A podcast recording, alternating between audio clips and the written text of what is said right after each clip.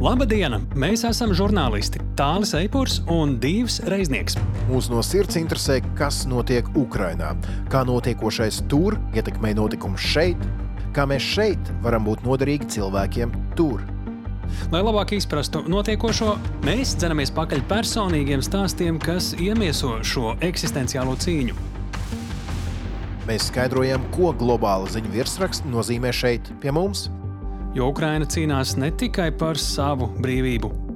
Ukraina šobrīd ir arī mūsu drošinātājs. Labrīt, labdien, labvakar, klausītāji un tāli sveiks!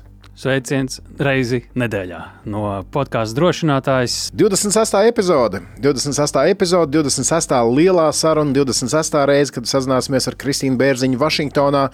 Un arī man te tālāk ir sagatavotas dažas tādas nu, pavisam jokainas ziņas. Labi, kamēr mēs gaidām tavas jokainās ziņas, kuras patiesībā, kā jau vienmēr, ir eh, daļa joka, daļa patiesības un daļa arī nopietnības, jo šis ir podkāsts, diemžēl, par karu Ukrajinā.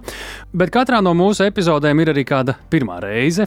Un šoreiz, man liekas, mēs pirmo reizi būsim eh, tik tuvu frontes līnijai kā vēl nekad. Jā, nu pagaidi, pagaidi. Mums bija vīrs, kurš ar latviešu sagādātu auto iebrauca Hersonā. Mums jau bija latviešu māsiņa. Nu, patās mums bija autoservis, armijas autoservis uh, mehāniķis. Ah, nu tiešām. Mums vajadzēja 26 epizodes, lai nonāktu līdz pašai frontes pirmajai līnijai. Lai cik tas arī dīvaini neizklausītos, jo Ukraina ir liela un frontes pirmā līnija ir ļoti šaura zona, bet mēs tajā esam iekļuvuši. Mēs esam iekļuvuši sarunā ar Ukraiņu brīvprātīgu milzīgo karavīru, kurš vēl līdz tam ir aizstāvējis arī aplenkto Černīhivu, cīnījies Bahmutas pusē un ir gatavs cīnīties līdz okupantu patriekšanai. Tiesa vienlaikus arī ir diezgan kritisks par to, kā viss notiek Ukrainā un tās armijā. Jā, pavisam ne tāda sīrupainā intervija.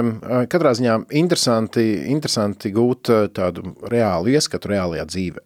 Bet sāksim mēs kā parasti Pieslēdzoties Vašingtonai, kur, kā vienmēr, Kristīna Bērziņa, drošības politikas eksperte, dos savu vērtējumu, mūsuprāt, trim ziņām, kas aizgājušajā nedēļā ir īpaši izceļams. Un šoreiz esam izvēlējušies šādas tēmas, ko Latvijai varētu dot Ziemeļvalstu lēmums veidot vienotus gaisa spēkus ar 250 kara lidmašīnām. Tad pavisam interesanti notikuma attīstība saistībā ar Šveici, kura gribot vairāk kopīgas treniņus ar NATO spēkiem, bet NATO ģenerālsekretārs saka, paga, paga, neleciet tik ātri mūsu vezumā. Un, protams, protams, ka mēs arī parunāsim par Krievijas lēmumu uz Baltkrieviju pārvietot daļu savu taktisko kodolieroču un ko tas varētu nozīmēt. Nu ko, par viltīgo Šveici, atomieroču žvadzinošo Putinu un kur tad ir mūsu vieta jaunajos apvienotajos Skandināvijas gaisa spēkos, saruna ar Kristīnu Bērziņu. Sveiki, Kristīna! Sveiki, Kristīna! Sveiki, sveiki! Klaus, sāksim ar ziņām, kas mums ir tuvu mājām. Ziemeļvalstis, proti, Dānija, Norvēģija, Somija, Zviedrija paziņojušas, ka veidos gluži vai vienotus gaisa spēkus, saliekot visas savas lidmašīnas kopā, sanāk apmēram 250 kaujas lidmašīnas. Ar ko šī ziņa ir svarīga Latvijai? Šī ir ārkārtīgi svarīga, nozīmīga ziņa Latvijai. Tāpēc, ka jāskatās, kā mainās tagad Ziemeļvalstis. Ir izdevība ciešāk integrēt, ciešāk sadarboties Ziemeļvalstu vidū un jāskatās, kādas tur ir spējas. Un ļoti labi spējas Ziemeļvalstīm tieši ir gaisa spēkos. Kuras spējas trūks Baltijā? Gaisa spēki. Tas ir dārgi, tas ir sarežģīti, jāiegulda izglītībā, un lidmašīnas ir dārgas. Skaidrs, ka lidmašīnai atlidot no Somijas vai Zviedrijas uz Baltijas valstīm, tas ir viegli, tas ir ātri. Baltijā visticamāk varēs ar vien vairāk paļauties uz Ziemeļvalstu sabiedrotajiem, lai palīdzētu nodrošināt gaisa telpu.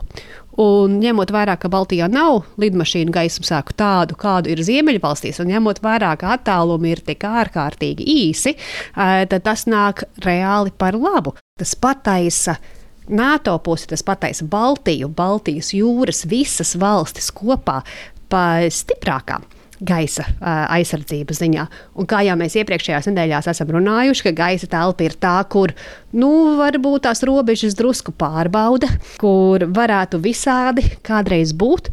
Tas ka mums ir super sabiedrotie ar labām spējām, kuri tagad savu saprāšanu par savu lomu paplašina nevis tikai attiecoties uz savām robežām, bet uz tādu lielāku, plašāku reģionu, tas nāks Baltijai tikai par labu. Nu, šī man vispār izklausās viena no pēdējā gada labākajām ziņām Latvijas drošībai. Man liekas, ka Zviedrijas un Somijas iekļaušana NATO ir vislabākā ziņa. Tāpēc, ka ārkārtīgi svarīgi ir Baltijas valstīm un arī Baltijas reģionam nebūt kaut kādā pelēkā zonā starp īstiem rietumiem, pēdiņās un Krieviju. Ir skaidrs, ir robeža. Un, ja mēs vienu lietu pēdējā gada laikā esam iemācījušies, ir tas, ka ir īsta NATO robeža.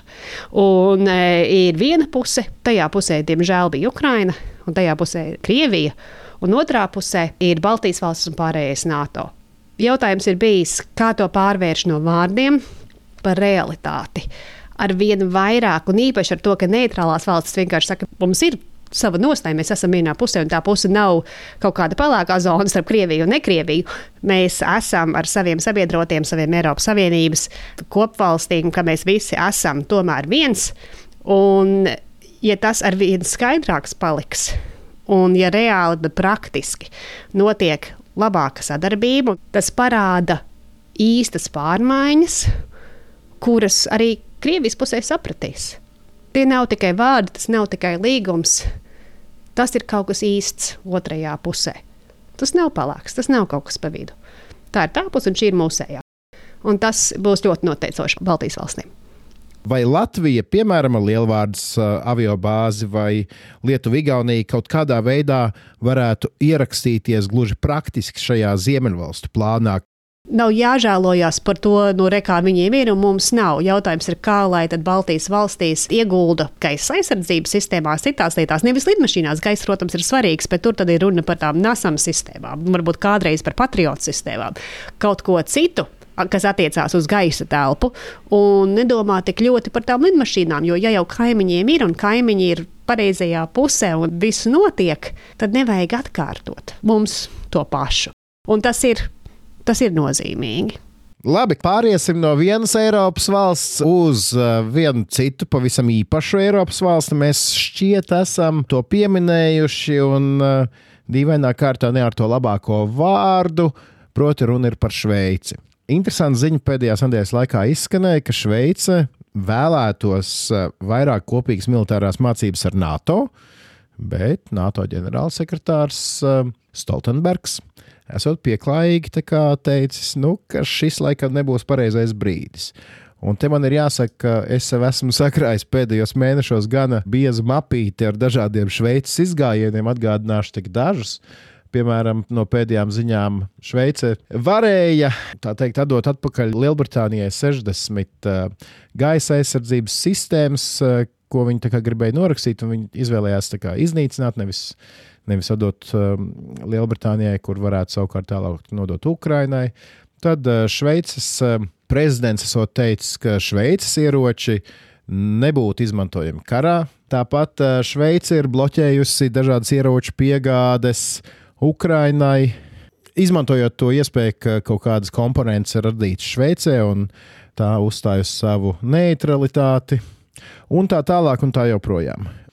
Nu, ko Šveice tagad saņem pēc nopelniem vai kā?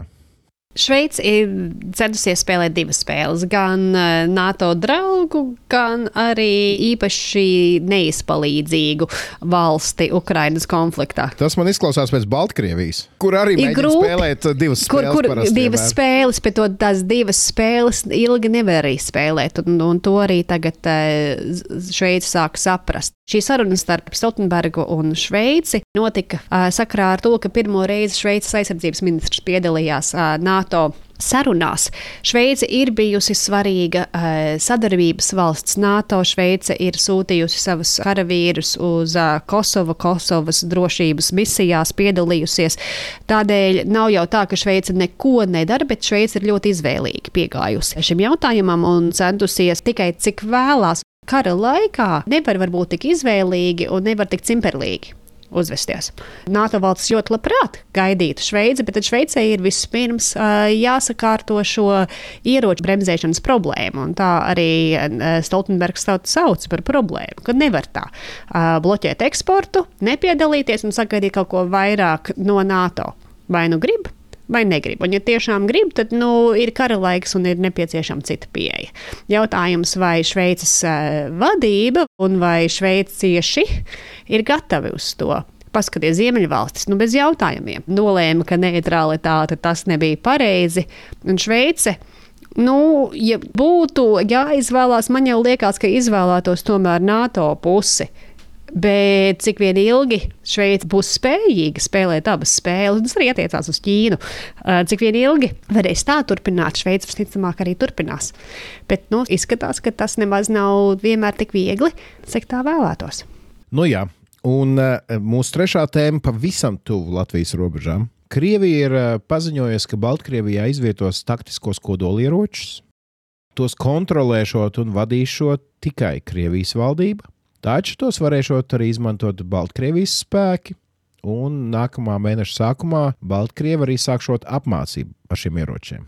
Šie ir kārtējie draudi, vai te tu redzi kādu reālu eskalāciju no Krievijas, no Baltkrievijas puses? Pirmais jautājums, cik lielā mērā Baltkrievija tiešām ir neatkarīga valsts strateģiskos jautājumos, un par to jau ir bijis ļoti liela jautājuma vairāk nekā gadu. Un vēl vairāk kopš iepriekšējā Baltkrievijas prezidenta vēlēšanām, kurās reāli Lukašenko zaudēja, bet uh, vēl joprojām sēž prezidenta krēslā. Kopš tām vēlēšanām, ja Lukašenko cenšas būt pie varas, tad cena tam ir bijusi, ka ir jābūt lielā mērā Krievijas padotībā, ja skatās to, kur, kur notiek Krievijas arī karavīru mācības, no kurienes var iebrukt Ukrainai, tad eh, Baltkrievijas spējas atteikties no kaut kā izskatās ļoti mazas, un vai Likušenko ir vēlma atteikties. Tādēļ jau vairāk nekā gadu ir bijis jāskatās uz Baltkrieviju nevis kā valsti, kur spēlē abās pusēs, bet reāli Baltkrievija ir daļa no Krievijas drošības telpas šobrīd. Jā, bet kāpēc Krieviem šajā brīdī ir šis solis jāspēr? Tas parāda Krievijas tautai pašai un arī tālākai pasaulē, ka Krievija redz, kā tomēr ir spēcīga valsts. Tāpēc, ka pēdējā gada laikā ir ļoti daudz sarunas bijušas par to, ka militārie spēki Krievijā īstenībā ir švaki, neveiksmīgi un ka no tiem nav jābaidās. Un Krievijas nolūks vispār šajā visā kara darbībā ir, lai radītu bailes visā pasaulē. Nu, ar kodolieročiem var radīt lielākas bailes, es saku, ka tas arī Vācijā vienmēr ir stipri efektīvi, tāpēc ka vācieši kaut kā ārkārtīgi baidās no kodolieročiem. Un, ja, ja vēlme ir iebiedēt, un ja vēlme ir parādīt, ka nu, neviens nevar maisīties, tad, protams, tas ir Putina interesēs, un tikpat arī Lukašenko interesēs. Bet eh, vēl joprojām uzskats, ka Krievija varētu izmantot taktisko kodolieroci, vēl joprojām neliekās, ka tas būtu arī tādēļ, ka Ķīna to ļoti nevēlas. Tāpēc man liekas, šo taktisko kodolieroču aizsūtīšanu uz Baltkrieviju šis viss jautājums drīzāk līdzinās prezidenta Putina jau agrākā prezidentūras laikā gājieniem eh, bez krakla jāter zirgu un rādīt savus muskuļus. Nu, tas apmēram tas pats ir kodolierocis, tas ir līdzīgi. Bet uh, īpaši Ķīnas dēļ man liekas, ka nevajag pārāk satraukties par arī to pielietošanu. Summējot šo jautājumu, tātad Krievijas uh, lēmums izvietot taktiskos kodolieročus Baltkrievijā, tas ir politisks vai militārs lēmums pirmām kārtām? Es teiktu, ka tas ir politisks lēmums, tāpēc ka nepieciešamība izmantot un arī labums no taktisko kodolieroču pielietošanas kara laukā ir ārkārtīgi minimāla, bet politiskais signāls par to, ka Krievija tomēr ir stipra un Krievija nevajag dorakstīt, un vēl jau vairāk Lukašenko cenšas nostiprināt sevi, tad tas ir tīri politiski ārkārtīgi izdevīgi abām valstīm, bet e, militāri, nu, ne, nav. Labi, paldies, Kristīna. Tas šai reizē arī viss. Tiekamies nākamnedēļ. Tiekamies pēc nedēļas. Atā.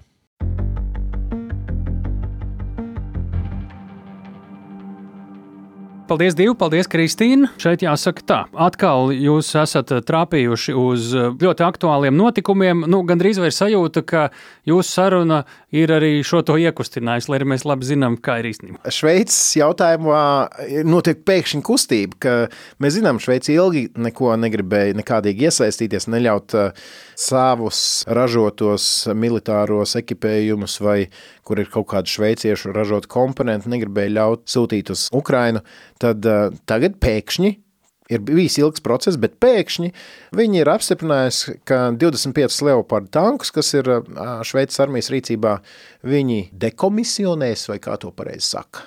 Noņems no uzskaits? Noņems no uzskaits, jā, un sūtīs atpakaļ uz Vāciju. Iepriekš viņi visu laiku teica, nē, nē, nē, nu, jā, viņi mums veci, bet mēs nekur viņus nesūtīsim, jo tad iespējams, ka viņi nonāks Ukrainā šie tanki. Tagad Šveice ir pateikusi, labi, jā, mēs sūtām atpakaļ ražotājiem, Un kas notiek tālāk, tas jau viņus vairs neinteresē. Lūk, šāda te, nu, attieksmes maiņa pavisam īsi pēc tam, kad NATO ģenerālsekretārs pateica viņiem, nu, pagaidi, jūs mums esat tādi ļoti dīvaini sadarbības partneri. Jebkurā gadījumā vēl viena lieta, ko mēs nepieminējām, bet kam ir vērts pievērst uzmanību līdz mūsu nākamajam drošinātā izlaidumam, ir kas notiks uz Latvijas-Baltkrievijas robežas, vai nesāksies kāda jauna aktivitāte pierobežā. Jo tāpēc, ka pēc ilgāka laika, pēc pusotra, divu gadu pauzes, no Irākas ielido atkal pirmā pasažieru lidmašīna Minskā. Nu, kā mēs iepriekš redzējām, tas tiešā veidā ietekmē situāciju uz Baltkrievijas robežas ar Eiropas Savienību, Latviju, Lietuvu, Poliju. Nu, tieši tā, jo Lukašenko režīms eh, grib kā vien var nedaudz pabojāt dzīvi kaimiņiem, nu, un tad sasola, eh, sasola debesmānu tur Irākā un ar Baltkrievu robežsargu palīdzību mēģina šos bēgļus pārsūtīt pāri robežai, izraisot dažādas skandālus, krīzes un tā tālāk. Latvijā un citās valstīs. Nu jā, un te, protams, visi sāk salīdzināt, cik tad tālu, kura valsts ir tikusi ar žogu būvniecību, bet tas jau ir mazliet cits stāsts. Un, eh, nu, es esmu nonācis pie sadaļas eh, jokainās ziņas stāli. Es zinu, tu man esi teicis, mēs neesam ziņu raidījums, mums nevajag runāt par tām aktuālajām ziņām, ko var nu, par, dzirdēt. Par superaktuālajām. Jā, par superaktuālajām ziņām. Lielajām. Ko var dzirdēt eh, citos raidījumos, to tad arī, lai citi dara, bet nu, divas, divas ziņas es tev nevarēju tā neizcelt. Es atļauju, visi dzirdēju, es atļauju. Jā, paldies. Tātad, Pārceļamies uz Norvēģiju, Norvēģijas vidienu. Mēs tur, jau tur bijām ar lidmašīnām. Jā, tur, tur Norvēģijas vidienē ir eh, viens no lielākajiem Eiropas ieroču ražotājiem, Norvēģijas uzņēmums Namo.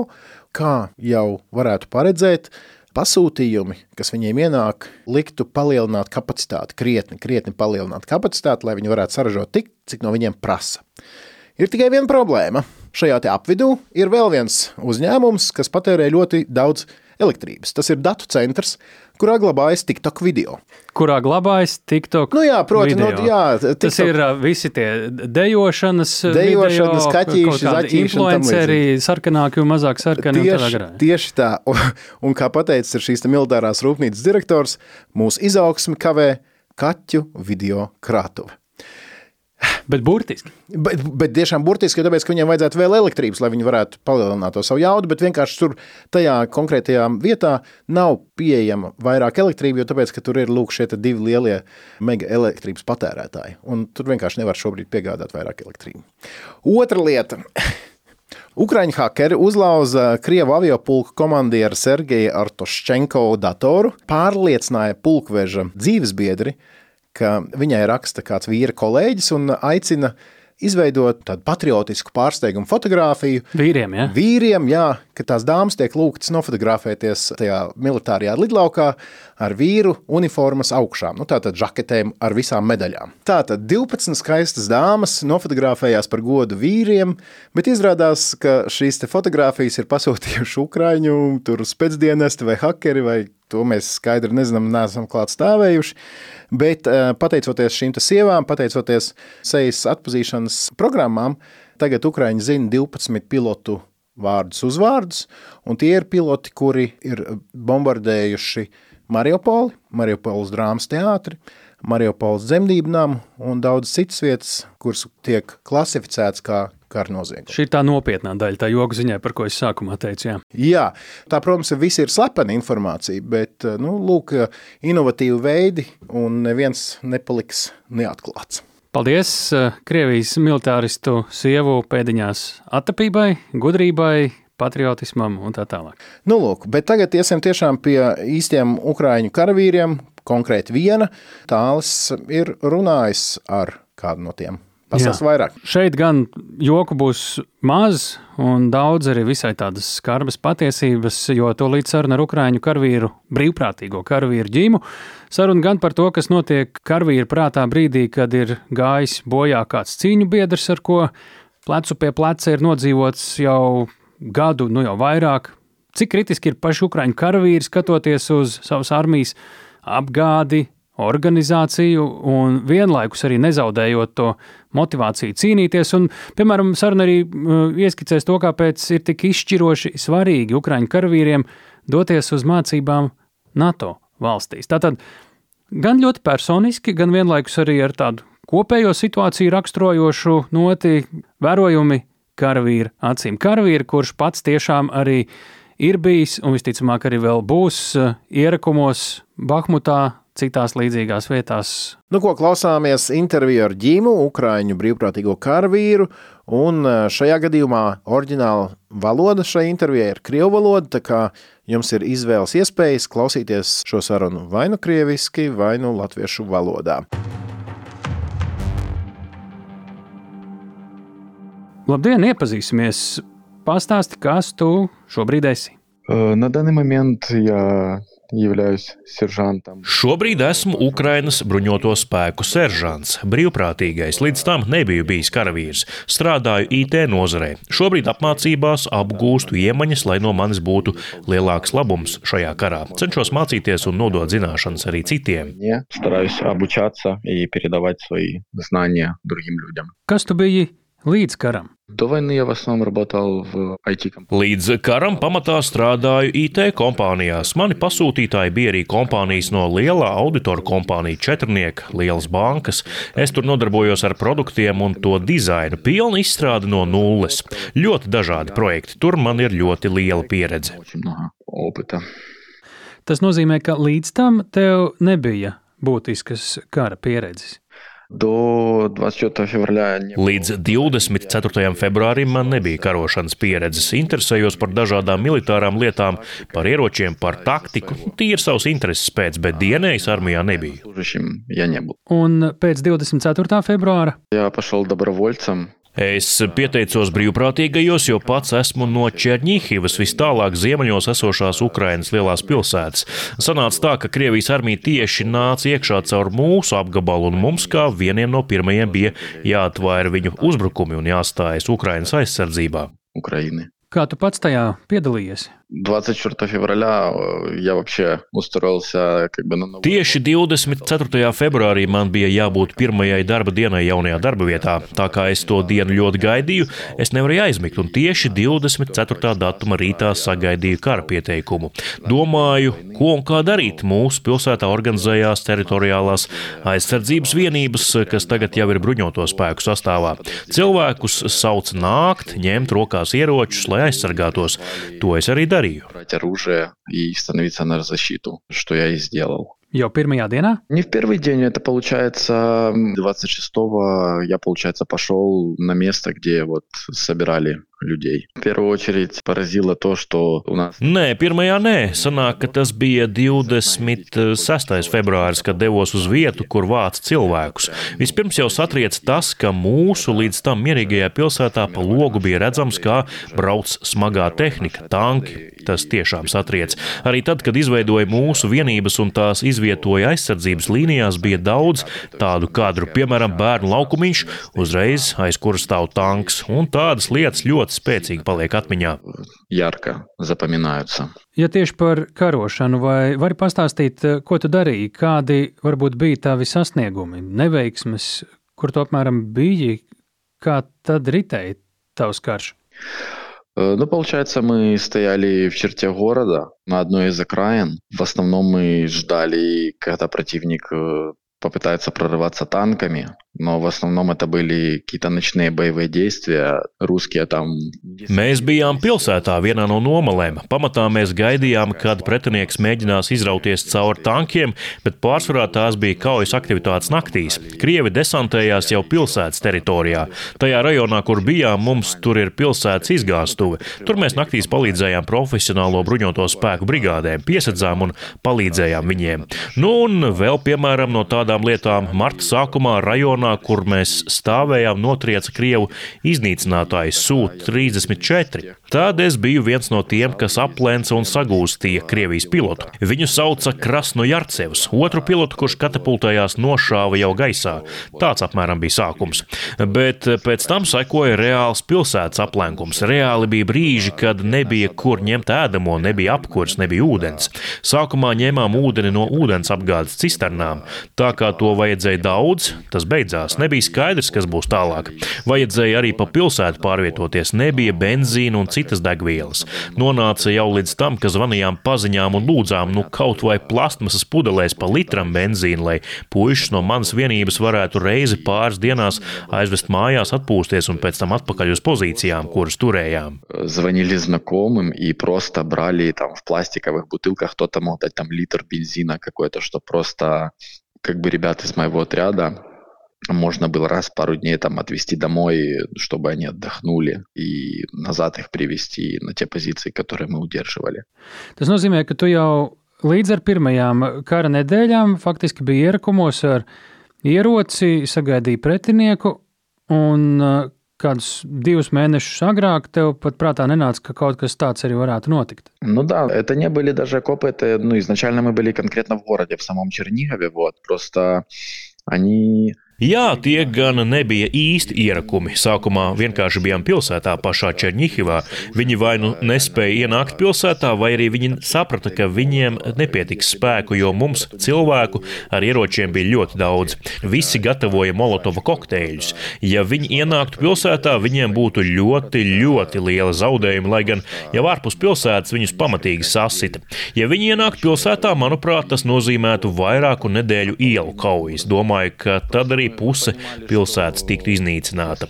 Mēs vienkārši sapratām, ja ieņems mūsu pilsētu, tad tas viņiem nozīmētu taisnu ceļu uz Kīvu. Tur ir tiešā šoseja. Jau pēc tam, kad atklājās šausmas pie Kīvas bučām, mēs sapratām, ka, ja ieņemtu mūsu pilsētu, ar mums varētu notikt tas pats. Bet pilsētu atdot neviens negribēja, un visi cilvēki viens otru ļoti stipri atbalstīja. Visi gatavojās to aizsargāt līdz pēdējiem. Друг друг друга, все готовились просто ну, защищать до последнего. Kas tu tajā visā bija? Ну, получается, когда нас сформировали, нас разбили по как бы, группам. Я был один из... Kad mūs formēja, mūs sadalīja grupās. Es biju vienas tādas 15 cilvēku grupas komandieris. Mans uzdevums bija efektīvi reaģēt uz ienaidnieka nodomiem, kā arī mums bija jāpalīdz iedzīvotājiem ar visu iespējamo, ar ēdienu, ūdeni, piegādēm, zāļu, piemēram. Bijām ne tikai kā karavīri, bet arī kā brīvprātīgie un humanitārās palīdzības sniedzēji iedzīvotājiem. Только как военные Но и как волонтер или гуманитарная помощь. Изначально еще нашей задачей была также ну, гуманитарная поддержка населения. Kas notika pēc tam, kad viņus izdevās atsist no Černīkijas? Kas ar tevi tālāk notika? Ну, получается, нас начали потихоньку выводить из города, чтобы мы Mūs pamazām sāk izvest no pilsētas, lai mēs gatavotu apkārtni vēl vienam iespējamam uzbrukumam. Praktiski visu pavasari un vasaru rakām ierakumus visā apgabalā, lai tad, ja viņi vēlreiz mēģinātu uzbrukt, lai mēs jau būtu gatavi. Strādājām pie inženiertehniskām lietām, sākām ar apmācībām un sagatavošanos minimālo, jo sākumā mums vienkārši iedeva automātus. Daļa līdz tam tādus pat rokās nebija paturējuši, tāpēc mums bija nelielas apmācības, meklējām ekipējumu, jo sākumā nekā tāda nebija. Maksimāli gatavojāmies viņu uzbrukuma atkārtojumam. То есть максимально готовились к возможному повтору их атаки. Tad, ja viņi šobrīd kaut ko tādu mēģinātu atkārtot, tad viņiem klātos krietni sliktāk un smagāk. Да, я думаю, они бы не подошли так близко к городу. Просто... Jā, domāju, ka viņi netiktu tik tuvu pilsētai. Viņi bija nomalēs, varēja mierīgi izmantot artēriju un šaut pa pilsētu un pāri tai pa tiem, kuri pilsētu sargāja no otras puses, bet pēc inženieru darbu paveikšanas viņiem vairs nebūtu tik vienkārši. Vienkārši netiktu tik tālu. Nedalось бы, они бы просто ну, не дошли бы. Un pēc tam, pēc vasaras, kas tālāk? После этого нас э, начали готовить к тому, что нас отправят на Донбасс. Pēc tam mūs sāka gatavot nosūtīšanai uz Donbasu. Arī bija apmācības, deva ekipējumu, gatavojamies izbraukšanai. Mums teica, ka mūs sūtīs, bet arī neko konkrētāk. Un daudzi nebija tam gatavi, jo sākumā mēs vienkārši kļuvām par brīvprātīgiem, lai aizsargātu savu pilsētu, taču tagad mūs grasījās sūtīt uz citu valsts malu, nesagatavotus, neprofesionālus karavīrus uz pašu karstāko punktu. Beig beigās ziemā mēs jau atapāmies Donbasā. Самую жару. Но по итогу зимой мы так и оказались на Донбассе уже. Jūs visu laiku bijāt kopā apmēram tie paši puiši kopš paša sākuma, vai arī tur viss pa vidu mainījās? Мы все были вместе, то есть это уже как бы Mēs visi bijām kopā jau kā noformētas vienības. No mums veidoja rotas un bataljonus, un tos visus salika vienā mūsu apgabala brigādē. Protams, kāds nāca un kāds aizgāja, kādu nomainīja, bet kodols bija kopā jau no pirmajām dienām. остался тех, кто с первых дней вместе мы были. Donbass, Donbass un Ziema. Tas bija pirmās līnijas, vai nu, tur, piemēram, atkal kādi inženieru darbi? Kas tas bija? Ну, практически сразу это была первая линия. Вот. Jau gandrīz uzreiz tā bija pirmā līnija. Mūs tur iemeta, nolika faktu priekšā, ka jūs virzāties tur un tur. Morāli cilvēki nebija gatavi. Turklāt pirms tam divas mūsu vienības no Černihivas arī tajos rajonos cieta būtiskus zaudējumus. To arī mēģināja kaut kā noslēpt. Nebija skaidrs, kas tad tur īsti ir ar tām vienībām. Mēs tās it kā nomainījām. Mēs braucām paši, nezinot, kur, nezinājām, kā gatavoties, ko ņemt līdzi. Braucām gandrīz vai ar savu transportu Faktiski tā arī bija, jo lielākā daļa transporta bija brīvprātīgo mašīnas, kuras tobrīd mums jau palīdzēja saņemt. Часть транспорта это были волонтерские автомобили, которые уже на то время нам, нам помогли получить. Tu sacīji, nebijāt gatavi. Es saprotu, ka tas bija domāts vairāk tā kā ekipējuma ziņā, ko ņemt, ko neņemt līdzi, bet, eh, ja runājam tieši par mentālo gatavību, cilvēks vispār var būt gatavs tad, kad pirmo reizi dzīvē iet uz pirmajām līnijām. Ну, это очень сильно зависит от человека. Плюс некоторые думали, что... Tas ir ļoti atkarīgs no cilvēka. Daļa domāja, ka ir gatavi ņemot vērā pieredzi un to, ko viņi zināja par antiteroristisko operāciju, kas pie mums ritēja kopš 2014. gada, kas arī faktiski bija iebrukums. Viņi domāja, ka tas būs kaut kas līdzīgs, bet šis tomēr ir pilna mēroga karš. Un, kad tu jau atbrauc un redzi tā visa apmērus, to, cik lieli ir zaudējumi, kādā apjomā strādā artērija, tad saproti, ka ka tas nekādā mērā nav tas, kas bija pēc 2014. gada. Tie, kuri šādi domāja, ka ir gatavi, saprata, ka viss ir citādi un pavisam ne tā, kā viņi gaidīja. Все не так, не совсем то, что они ожидали. Ar ko tad realitāte atšķiras no tā, ko pirms tam varēja iedomāties? Э, Ну, если брать э, именно вот то, что было начиная с 2014 года, вот, много воевало, допустим, молодежи и представителей, скажем так, футбольных фанатов. Много. Ja skatāmies uz to, kas bija pēc 2014. gada, tad toreiz daudz karotāju bija, nu, sauksim viņus par futbola faniem. Daudz jaunu cilvēku, kuri iet uz futbolu stadioniem ar visiem saviem draugiem, brauc arī karot. Toreiz bija tā, ir robeža līnija, ap to neliels strēlnieks apšaudīts reizes pāris dienās un viss. Šī līnija nekustējās burtiski mēnešiem, nebija tādas intensitātes, bet, kad tu atbrauc šeit, tad no ausmas līdz pat rietam, pat tavām pozīcijām bez apstāšanās strādā artērija, un tu nevari pat pabāzt galvu un vienkārši sēdi uz zemes, cerot, ka lādiņš netrāpīs tieši tavā ierakumā. Tas jau tad ir pavisam kas cits. Toreiz sēdēja ierakumā, šāvi, un dažiem tā bija pat tāda kā izklaide. Šeit ir pavisam citādi. Pietiek ar vienu kļūdainu lēmumu, un tas pēc būtības jau nozīmē nāvi. Здесь это уже совсем другое, что одно какое-то неверное решение, и по сути это уже смерть. Nu, un kas jums tur bija jādara? Jūsu vienībai kā, ir kāda specializācija, tev ir kāda specializācija. Э, ну, на тот момент я уже, скажем, заступил на должность повыше, то есть э, был сержантом взвода. Vзвод э, это ну, 20, 24-30 человек, вот так приблизительно. Больше как бы еще занимаюсь. Tajā brīdī man jau bija atbildīgāki pienākumi. Biju vada seržants. Nu, tie ir kādi 24 līdz 30 cilvēki. Vairāk nodarbojos ar plānošanu. Tā tad nevis vienkārši kaut kur sēdi pozīcijās un gaidi, skaties un vēro, bet arī jau atbildi par lielāku skaitu cilvēku. Tev viņi kaut kā jānogādā pozīcijās, jāpabaro, jāpiegādā ūdens, lai viņi būtu būtu apgādāti un varētu pildīt uzdevumus. Tas mēdz būt riskanti, jāved puišiem ūdens, bet var nokļūt artērijas apšaudē, vai arī jādodas pa kādu citu ceļu, un tas var būt mīnēts, bet tev kaut kā ir jāatrod ceļš un arī jāaizved pa to savi puiši, jo mums tur nebija nekāda inženiertehniskā atbalsta vai sapieru, kas to visu varētu izdarīt. Bija jādara pašu spēkiem. Tu saproti, ka neviens bez tevis to nedarīs un var iegāzt savējos. У нас не было инженерной какой-то помощи, саперов, которые могли это все сделать. И все это нужно было делать своими силами. Потому что ты понимаешь, что если ты этого не сделаешь, этого не сделает никто, и, соответственно, ты подставишь своих ребят. Es klausos, cik mierīgi tu par to stāsti, un es īsti nesaprotu, kāpēc, jo tas viss taču ir skumji, traģiski, vienlaikus arī ļoti dinamiski reālajā dzīvē.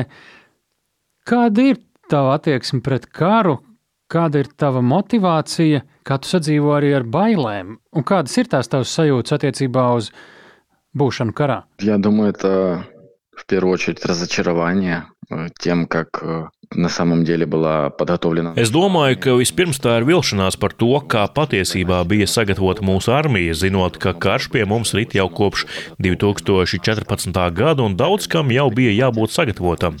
Es kā uzņēmējs un arī citi cilvēki papildus esam maksājuši kara nodokļus, bijušas jaunas militārās mācības, pastāvīgi bija kaut kāds finansiālais atbalsts. Bet, kad pats nonāca armijā, izrādās, ka jūs nevar neapaut normāli, nepabarot. Un tad tu domā, ko viņi visus šos gadus ir darījuši, kur likta tā nauda, ja šobrīd nevar pat apģērbt cilvēkus. Что сейчас невозможно ну, даже одеть людей. Nu, varbūt pirms tam bija vēl simtreiz sliktāk. Так, да, у нас армия в 14 2014. gadā mums armija tikai sāk reformēties, bet sasodīts tas ir ļoti ilgs laiks, astoņi gadi. To laikā nepiepildīt noliktavas ar kaut vai tām pašām formām. Tas ir ļoti savādi. Nedomāju, ka tas būtu tik grūti, un te nav runa tikai par to. Tas pats ir ar transportu, tā mums pastāvīgi trūkst, un arī citiem aspektiem. Šis ir brīvprātīgo karš kaut kādā ziņā.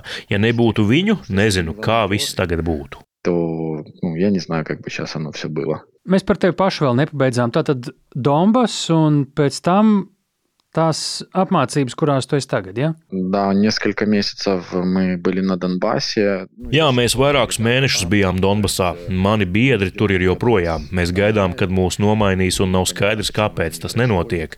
Mūs tur nosūtīja nenosaucot nekādus termiņus. Ir gan zaudējumi, gan arī ļoti smags psiholoģiskais stāvoklis. Sākumā nebija arī nekādas psiholoģiskās palīdzības, lai arī daudz to prasīja, bet nezinu, kāpēc tādas nebija. Neviens par to pārāk nedomāja.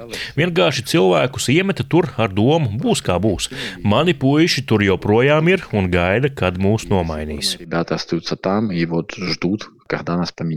Un es tomēr uzdošu šo jautājumu par zaudējumiem. Kas tas ir par brīdi? Mēs apmēram zinām, kā tas ir zaudēt tuvinieku miera laikos, bet, ja runa ir par taviem biedriem, par paziņām jau kopš Černīhivas laika. Kas tas ir par brīdi, kad kāds tiek zaudēts? Nu, tur nav piemēram tā, ka uzreiz gribas nezinu, lekt ārā no ierakumiem, skriet, šaut nost visus orkus, vai arī galvā kaut kā citādāk tas notiek. Ну, тяжело так сказать, потому что To tā grūti pateikt, jo viss atkarīgs no paša attieksmes. Ja tev ir vēsts prāts, tad tu saproti vismaz to, ka jāatnāk un jāsavāc sava biedra ķermenis, jo arī ar to mums bija problēmas. тоже были проблемы некоторые. Вот. И с- самое сложное то, что мы с первых дней ну, не просто как бы все вместе там служим. Мы с первых дней, по сути, не были дома. Pats grūtākais ir tas, ka mēs ne tikai dienam kopā no pirmajām dienām, mēs kopš tā laika arī pēc būtības neesam bijuši mājās, mēs dzīvojam kopā. Mums ir kopīga sadzīve, ēdam pie viena galda. Daudziem arī bija kaut kādi plāni pēc kara, vēl mm, kādi bija sadraudzējušies, un tas vienkārši vienā brīdī apraujas, un tu saproti, ka tā visa vairs nebūs. Visi plāni sagrūst. Pats grūtākais ir tas, ka šis ir artērijas karš, un tu nezini, kurā brīdī tu nomirsi, jo viena lieta ir karot karot ar ieroci rokās kaut kur tuvajos austrumos, kur tādi talibans skrien ar automātiem. Tur, lai saņemtu lodi, ir pat kaut kā jāpacenšas, bet te tu vienkārši sēdi un jebkurā mirklī blakus var atlidot lādiņš, un tu to nekādi nevari ietekmēt. Nevari ne pārvietoties, neko tu nevari. Tas ir brīdis, kad tu saproti, ka esi bezspēcīgs. Tur, kur mēs karojam, ir ļoti maz citu iespēju, un tu sāc saprast, ka jebkurā brīdī, jebkurā dienā tu vari kādu zaudēt. Не можешь не переместиться, ничего. Просто вот это вот самый такой момент, что ты понимаешь, что ты бессилен.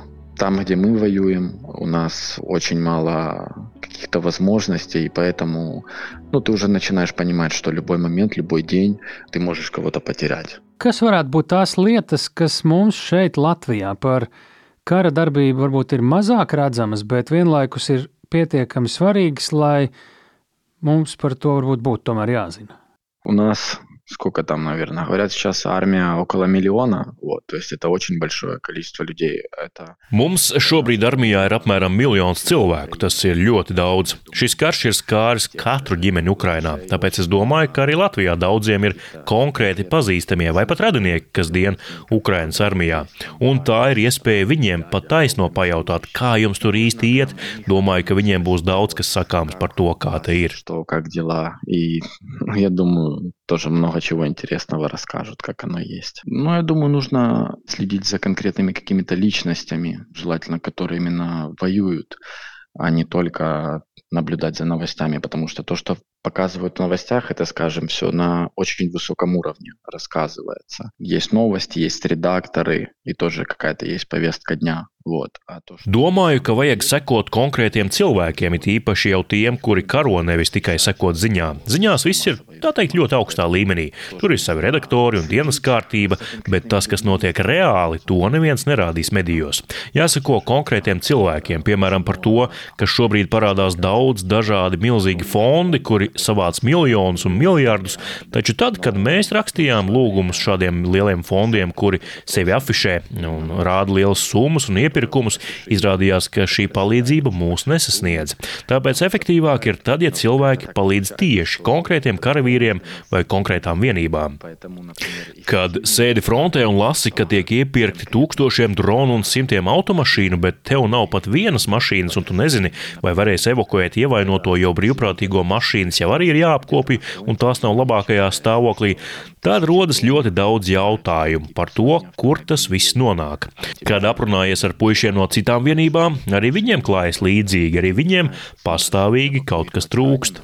Потому что те машины, которые у тебя есть в наличии, там волонтерские, они тоже, их надо обслуживать, они ну, не в лучшем состоянии. И ты, ты не знаешь, сможешь ты это сделать или нет. Возникает очень много вопросов, куда оно все идет. И потом, когда ты начинаешь общаться с ребятами из других подразделений, у них тоже схожая ситуация. У них тоже чего-то не хватает. Это постоянно. Mēs daudz ko sliktu un varbūt pat arī traģikomisku dzirdam par Krievijas armiju, par zemo morāli, par slikto apgādi, par noziegumiem un cilvēka dzīvības nevērtīgumu. Citādāks priekšstats mums ir par Ukrāņu armiju. Ziņās, internetā mēs redzam daudz video ar veiksmīgiem trāpījumiem, tur ir varonīgi stāsti un tā tālāk. Kāda ir realitāte? Я понимаю, что дело еще в том, что много людей боятся об этом говорить. Мне кажется, это на каком-то психологическом уровне, вот если взять там постсоветское пространство. Cilvēki vienkārši baidās visu stāstīt. Tas, man liekas, ir tādā psiholoģiskā līmenī. Valstīs, kas pēc padomju Savienības sabrukuma saglabāja ciešākas saites ar Krieviju, nevis devās uz Eiropu, viņiem tāda baidīšanās palikusi tādā kā nacionālajā līmenī. Ukrainā tas salūza Maidana laikā. Cilvēki apzināti parādīja, ka mūs nevar nevar tā vienkārši nospiest.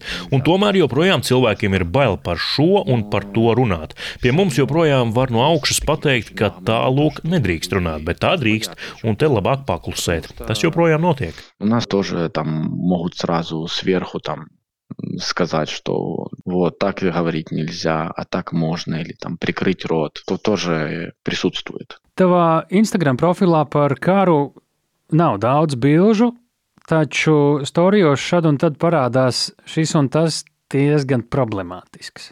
Vismaz līdz šim.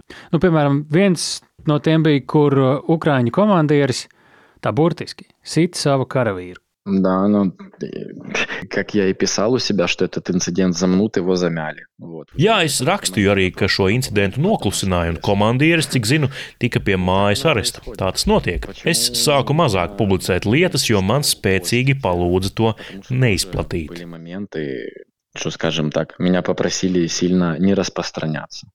Nu, varbūt to var saprast kaut kādā ziņā, tā teikt, lai ienaidnieks neuzzina. У нас в чем еще проблема, скажем так, ой, как бы это таким словом назвать? В нашей повестке дня в том, что изначально везде трубили, что мы воюем там с какими-то чмобиками, бурятами. Nu, mums ir vēl viena problēma. Kā lai to vispār apraksta? Nu, mums sākumā visur skandināja, ka mēs karojam ar kaut kādiem čmobikiem, burjetiem, kuriem ir bezmaz vai koka automāti. Jā, tas tiešām ir novērojams. Sākumā, kad Krievija ienāca ar mobilizētajiem puisēniem, tur tiešām bija burjeti un viss pārējie, bet, ja paskatīsimies tagad uz tiem pašiem Wagneriešiem, tad atvainojiet, bet viņi ir ļoti labi ekipēti. Esmu redzējis, kā viņi ir apģērbti un ekipēti. Tie nav nekādi čmobiki. Mums jāsaprot, ka karojam ar profesionālu armiju. Un ne tikai ar to. Mēs karojam ar konkrētiem algotņiem, kuri ir motivēti profesionāļi, kas ieradušies peļņā. Un tā ir problēma, ka sākumā visiem borēja, ka karojam ar kaut kādiem atpalikušajiem. Tāpēc daudzi pat atslāba. Ja kāds sāks stāstīt, ka tā tomēr ir profesionāla armija, tad uz to cilvēku sāk gandrīz vai ar pirkstiem rādīt, sauc par muļķi, jo mēs esam tie, kas karo, bet viņi zog veļas mašīnas. Kādi gan tur profesionāļi? Arī viņiem ir gana pietiekami stipru karotāju.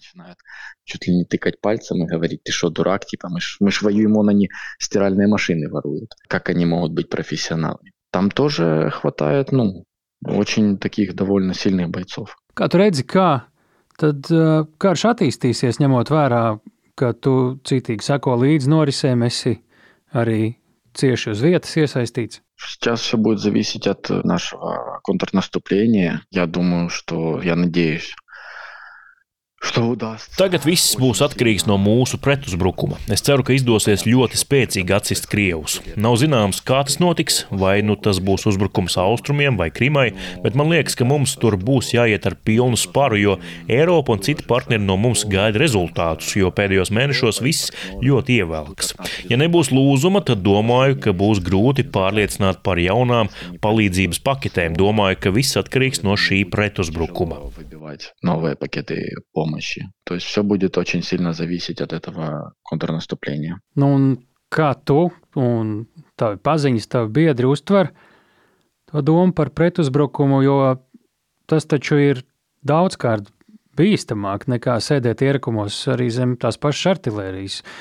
Jo nu, no vienas puses visi to gaida, taču par to visticamāk var nākties samaksāt augstāko cenu. Ну да, обычно при наступлении в несколько раз больше потерь. Тут еще будет зависеть э, от того, какими темпами это будет. Jā, parasti tā ir, ka uzbrukot zaudējumi ir vairākreiz lielāki. Tas gan būs atkarīgs no tā, kāds tādam uzbrukumam būs temps. Ja no mūsu puses būs ļoti spēcīgs trieciens, tad viņi paši atkāpsies, jo viņiem ir ļoti zema motivācija. Viņi ieslēgs atpakaļ gaitu un atkāpsies. Varbūt būs kādas lokālas kaujas, bet karaspēka pamatmasa atkāpsies. Tas, protams, tad, ja pretuzbrukuma sākums būs vienmērīgs, blīvs, tas manuprāt. Bet, ja kaut kur sanāks iesprūst, tad tiešām var klāties ļoti smagi. Atceramies, cik ļoti labi gāja Harkivas pretuzbrukumā. Lielas teritorijas atbrīvojām burtiski dažās dienās. Очень хорошо все прошло. Большие территории там буквально за несколько дней освободили. Tu teici, ka krievu karavīri mēdz būt arī pietiekami labi sagatavoti, bet kopumā, kur ir tas abu armiju stiprās puses un atšķirības? Ну, если брать э, русскую армию, они сильнее там в той же технике, количестве техники, количестве артиллерии, боеприпасов, количестве людей. Но то, что они... Krievu armija ir pārāka tehnikā un tās daudzumā, artērijas, munīcijas un cilvēku daudzuma ziņā. Bet tā kā viņi ir ieradušies mūsu teritorijā, mūsu mājās, mums ir ļoti spēcīgs kaujas gars, ka viss viņu pārākums nobāla. Kad notiek kādas kaujas, kur mēs uzbrukam, gadās, ka viņiem ir lielāki zaudējumi. Mūsu puiši mazākā skaitā ņem un iznīcina lielāku skaitu viņu kaujinieku. Mēs esam daudz pārāki tieši motivāti motivācijas ziņā, jo cīnāmies par savu dzimteni. To es varu teikt tieši par kainiekiem, jo pats tajos dienu, un tādas vienības ir arī ap mums, bez tehnikas, bez aviācijas.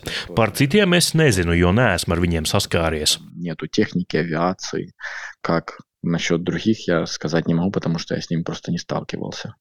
Nu, pirms dažām minūtēm mēs runājām par dažām nepārāk patīkamām lietām, bet par spīti tam visam šī motivācija nesalūst. Я думаю, что все уже просто понимают, что надо dodavīt до конца, и просто нет варианта. Es domāju, ka visi vienkārši saprot, ka viņi ir jānospiež līdz galam. Nav jau variantu tagad padoties vai salūst. Ja reiz sākām un tik tālu esam tikuši, tad tā lieta jānoved līdz galam, lai cik pastāvīgas arī nebūtu problēmas. Uz šādām tādām lietām jāpievēr acis, jo ir mērķis un nav īsti iespējams no tā novērsties. Ну, есть какая-то цель, и нет у тебя возможности отвлекаться на еще что-то. Kā jums, kas tajās briesmās ir bijuši klāt un iekšā, mēs, tie, kuri to nav redzējuši klātienē, jums nešķietam kā tādi no kaut kādas citas pasaules, kas neko nesaprot? Тоже зависит от людей, потому что на войне сейчас очень есть разно, разношерстные люди там. То есть кто-то доброволец занимался там одним в жизни, тот другой, тот профессиональный военный. Atkarīgs no cilvēkiem. Karā ir ļoti dažādi cilvēki. Te ir brīvprātīgie, arī profesionāli karavīri.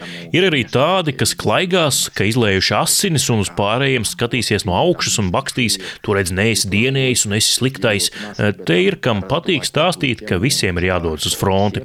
Mums pilsētās dala pavēstes, un ir telegram grupas, kurās brīdina, kur tas notiek. Un ir arī tādi, kas dzied ditirambus par to, cik tas ir slikti, ka tas ir katra pienākums, sauc par zaķpastalām, bet, ja to tā ar prātu apsver, tad ir skaidrs, ka, ja cilvēks negrib dienēt, tad no viņa nebūs nekāda labuma. Ja atvedīs viņu uz iesaukšanu, apmācīs un ieliks vienībā, tas būs kaujas nespējīgs lielums.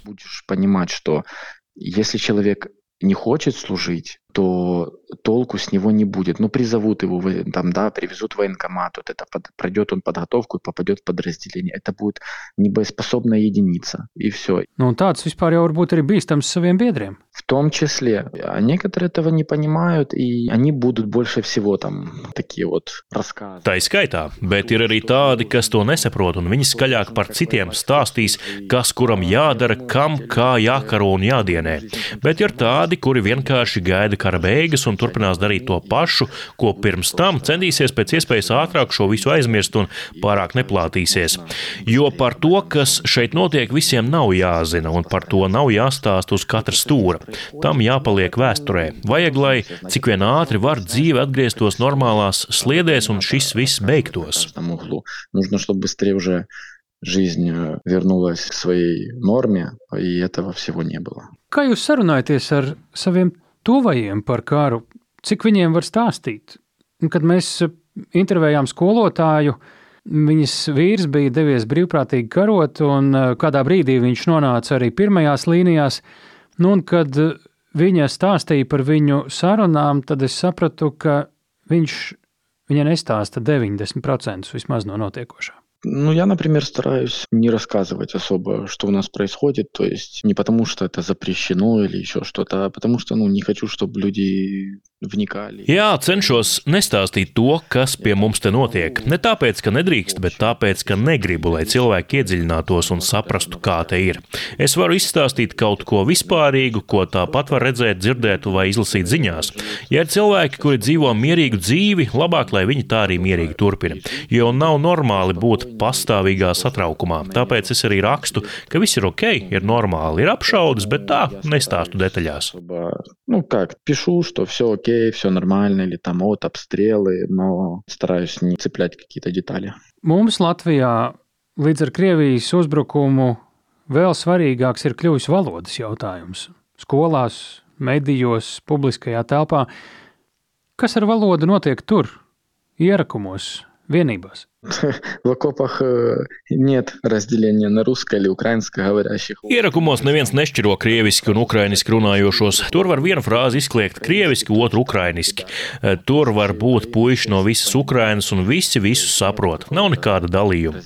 Katrs izsakās tā, kā viņam tajā brīdī ir ērtāk. Nevienam par to nav nekādu jautājumu un visiem ir ērti. На этой почве не возникает. Всем комфортно. У нас это вот на Западной Украине любят там Львов, вот это вот все, где рассказывать, кому на каком языке надо разговаривать, там особенно к приезжим. Люди там... Mums rietumu Ukrainā mīl mācīt, kuram un kādā valodā vajag runāt, īpaši tiem, kur atbraukuši no citām valsts daļām. Ir arī video, kur arī ierēģiem pārmet, ko jūs tur krieviski runājat, bet vienlaikus es te vakar paskatījos interesantu statistiku. Ukrainā darbojas programma, kas ļauj vīriešiem kara klausības vecumā vajadzības gadījumā izbraukt uz ārzemēm. Un vairums no tiem, kuri tā arī nav atgriezušies, ir vīrieši no rietumu apgabaliem, no tiem pašiem, kur stāsta, kā ir jārunā un māca visus. Nu un vēl, tad, kad atcēla pienākumu atmuitot armijai sagādātās automašīnas, tad arī kaut kā sanāca, ka turpat rietumu apgabalos mašīnas tika pieregistrētas un armijā nenonāca. Un tie bija dārgi auto, proti, kurš vairāk laigā, tas mazāk dara. В западных областях Украины большинство этих машин стало просто на учет, а не в армию. И это были дорогие автомобили. То есть кто больше всех кричит, тот меньше всех делает. Получается так. Par sieviešu lomu karā mēs tai arī esam pietiekami daudz uzmanības pievērsuši. Krievu armijā mēs viņas īsti neredzam, bet Ukraiņas sociālajos tīklos redzam gan. Kā tu redzi sievietes kā karojošu cilvēku lomu? В роли военного ни разу не сталкивался, ну именно если с автоматом в руках. Вот. А в плане парамедиков очень много. Šādā lomā ar viņām nekad neesmu saskāries. Nu, tā tieši ir automāta rokās. Bet paramediķu ir gana daudz. Lielākā daļa paramediķu ir meitenes. Bet cīnāmies ierakumos gan neesmu redzējis. Jā, sievietes ir stipras, bet karā vajag lielu fizisko spēku. Meitene nevarēs ierakumos darboties ar granātu metēju vai ložmetēju vai ko tam līdzīgu. Viņas dara savas lietas - medicīna, psiholoģija. Psiholoģiskā palīdzība ir daudziem ļoti vajadzīga. Arī tāpēc ir daudz meiteņu. Психологией занимается. Нужна очень сильно психологическая помощь много кому. Поэтому тоже вот много девушек. Kāda tad īsti ir tava saistība ar cilvēkiem no Latvijas? Jo tevis atradu, tāpēc, ka tev bija paziņas no Latvijas. Мгм. Ну, до войны у меня друзей не было. Следил в Латвии за автоспортом. Много у вас проходят этапы. Līdz karam man Latvijā draugu nebija. Sekoju tur autosportam. Latvijā notiek daudz drifta sacensību. Ukrāņi turp brauca. Mans draugs, video operators, arī brauca. Bieži stāstīja, kā tur ir. Ir arī viena meitene no Latvijas, kura piedalās šajos pasākumos. Izrādījās, ka viņa ir no Černīhivas. Mans draugs ar viņu iepazinās, un kara sākumā viņa mani atrada jau pašās pirmajās dienās, un tad iepazināmies. Она на меня вышла там буквально в первые дни, И с ней тоже познакомились. Nu, un tad jau sekoja arī saziņa un iepazīšanās ar brīvprātīgiem tam līdzīgi. Ja? Да, да. Потом еще латыши начали мне писать. Процентов, наверное, на 60 э, мое подразделение полностью... Jā, pēc tam man sāk rakstīt citi latvieši, un tagad par kādiem 60% man vienību nodrošina tieši Latvijas brīvprātīgie. Automobīļi visi ir no Latvijas, atvesti ir ļoti daudzi. Arī ļoti daudz apģērbu un ekipējuma. Reāli visu, ko vajag, un bez jautājumiem. Un arī tagad pastāvīgi jautā, ko mums vēl vajag. Tā ir labākā un lielākā palīdzība mums. Даже сейчас спрашивают постоянно, что нужно. То есть, скажем, это самые лучшие, кто самое больше помог. Nu, un ko jums vajag tagad? Что нужно настолько... вот сейчас... Nu, jau tik daudz mums ir palīdzējuši, ka man pat te nav ko vairs pateikt, jo nu, jau reāli mums viss ir. Потому что уже реально все есть. Nu, to mums ir ļoti svarīgi dzirdēt. Bet vai par karu un par dzīvi Ukrajinā iebrukuma laikā ir tādas lietas, kas tev pašam ir sakrājušās uz sirds un ar kurām tev būtu arī svarīgi padalīties ar klausītājiem no Latvijas? М, Наверное, важно, чтобы никто с этим никогда не стал. Svarīgi laikam ir, lai ar ko tādu nekad nevienam nebūtu jāsaskaras. Ne tikai Latvijai, bet arī citām Eiropas valstīm ir jāsaprot, ka mums par nelaimi, bet citiem par laimi, ka tieši Ukraina ir kļuvusi par Krievijas agresijas placdarmu. Tāpēc visai Eiropai un pasaulē ir jāsaliedējas palīdzībai Ukrainai, lai mēs savā teritorijā varētu dot pretsparu un citām zemēm ar to nekad vairs nebūtu jāsaskaras. Никакая больше другая страна с этим никогда не столкнулась. Nu, gan man pašam, cilvēki no pirmajām līnijām vai to tuvumu saka, gan arī tu saki, ka Ukraina gatavojas sekmīgam pretuzbrukumam. Un nav noslēpums, ka Ukrāņu karavīri, kamēr tas vēl nav sācies, dodas mācīties uz rietumiem. Ar ko tāda apmācība ir tik svarīga, ko tā dod? Nu, jo gan jau ir tādi, kas jau ir atgriezušies, kur var gūt priekšstatu par to visu. Kādas ir tās priekšrocības? Iepratim Krievijas armijai. Kā karavīri Ukrainā redz to NATO apmācības lomu? Первое, это мы берем именно аспект техники. Первая ветвь того обучения, которое проходят наши военные, это именно обучение с техникой. Это просто как бы дает понимание, как работать с натовским вооружением. Vispirms jau tehnikas aspekts. Pirmais posms mūsu karavīriem ir tieši apmācības ar tehniku, lai saprastu, kā strādāt ar NATO bruņojumu. Otra lieta ir taktiskā apmācība. Nav noslēpums, ka Ukrainā visa metodika ir novecojusi, vecā padomi doktrīna. Un, kad nonākam vienā kara laukā ar krieviem, tad taktika ir ļoti līdzīga, kaut vai tas, kā būvējas inženiertehniskās būves. Karojam pēc vienām un tām pašām grāmatām, bet, kad mūsu karavīri iziet NATO apmācības, tad viņiem jau ir cita darba specifika. Lielāka uzmanība tiek pievērsta plānošanai un taktikai. Tas kaujas laukā ļauj darboties daudz efektīvāk, un krievi to nepārzina, un daļa manevru viņiem būs negaidīta. Tā ir mūsu priekšrocība, ka mēs varam adaptēties, izmantot gan vecu, gan NATO metodiku. Varam arī tās kombinēt un pievienot pieredzi no kaujām, un tas ļauj radīt savu efektīvu taktiku kaujas laukā Также их комбинировать, плюс опыт на поле боя. И, соответственно, у нас получается своя такая тактика эффективной борьбы на поле боя. Tas nozīmē savukārt, ka Ukraina un Rietumi zina, kā karo Krievija, bet Krievija krietni mazāk saprot, kā karot pēc NATO principiem. Да, естественно, плюс, ну, можно сказать, что у их солдат. Jā, turklāt viņu karavīri ir mazāk spējīgi mācīties. Pat ja viņus iepazīstinās ar jaunām metodēm, viņi nevarēs tik efektīvi sagatavot karavīrus jaunām taktikām, kuras mūsu karavīri apgūst ārzemēs. Taktikam, которые наши воины получат за границей. Nu, ir varbūt kāds piemērs, kur šādas priekšrocības ir labāk redzamas. Citādi mēs te tikai теоретизируем. Ну, это даже относится к каким-то базовым вещам, то есть, как, например, по натовским стандартам мы перемещаемся. То есть, если там, да, взять... Nu, tās ir tādas pamatlietas, piemēram, kā mēs pārvietojamies pēc NATO standartiem. Ja skatāmies uz Krievu armiju, tad viņi gandrīz kā otrajā pasaules karā skrien un sāk šaut, tad mēs pēc NATO standartiem visu darām pārdomātāk. Daļa pārvietojas, kāds viņus piesedz. Tas ļauj noturēt uguns blīvumu, bet vienlaikus nokļūt tuvāk pretiniekam. Ja viņi sēž ierakumos, tad viņi nevar pat pacelt galvu zem uguns, bet mēs tuvojamies. Bet viņi barā lec ārā no ierakumiem uzbrukumiem un skrien uzbrukumā. Labam ložmetējniekam tas ir viegls mērķis noguldīt veselu vienību. Они же могут просто толпой выскочить из окопа и начать бежать в атаку. То есть хороший пулеметчик для него это просто как легкая мишень. Целый отряд вот так вот положить. Tu esi pats to savām acīm redzējis? Nu, нет, с таким я не сталкивался. Nē, neesmu viss, bet video gan esmu tādus uzbrukumus redzējis, bet klātienē gan nē. Так я, но вживую нет, не сталкивался. Un pats pēdējais jautājums. Mēs to visiem jautājam. Ko novēlēt tieši tev pašam? Lai ātrāk beigtos karš un lai varētu atgriezties darbā un normālā dzīvē, nu un arī aizbraukt atvaļinājumā.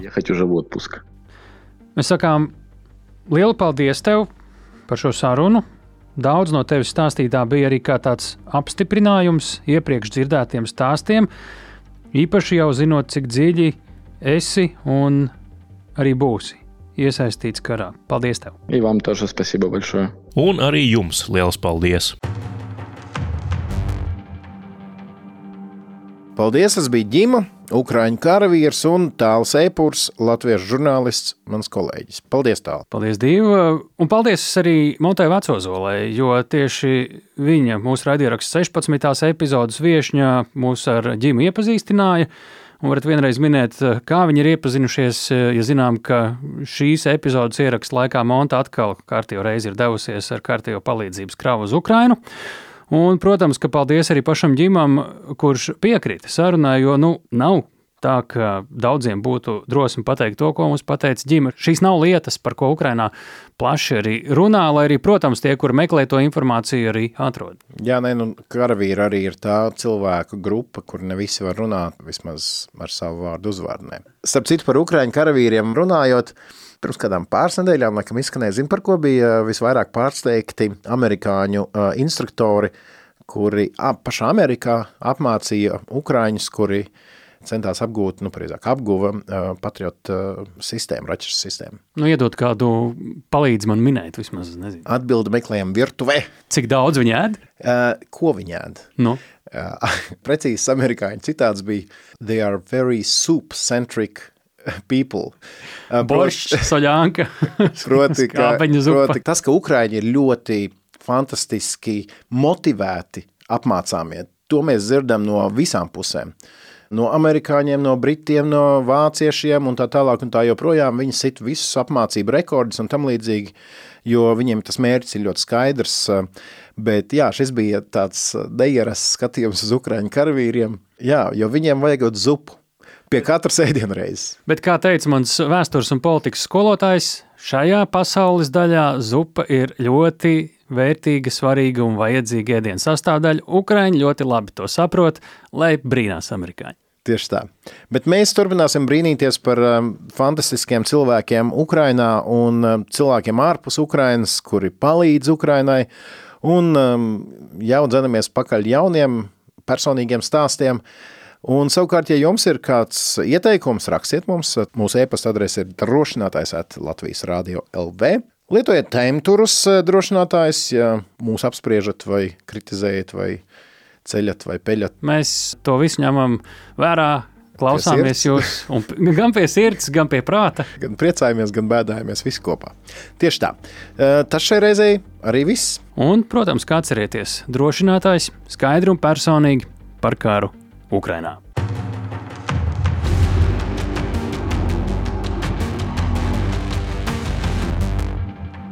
Raidieraksts drošinātājs.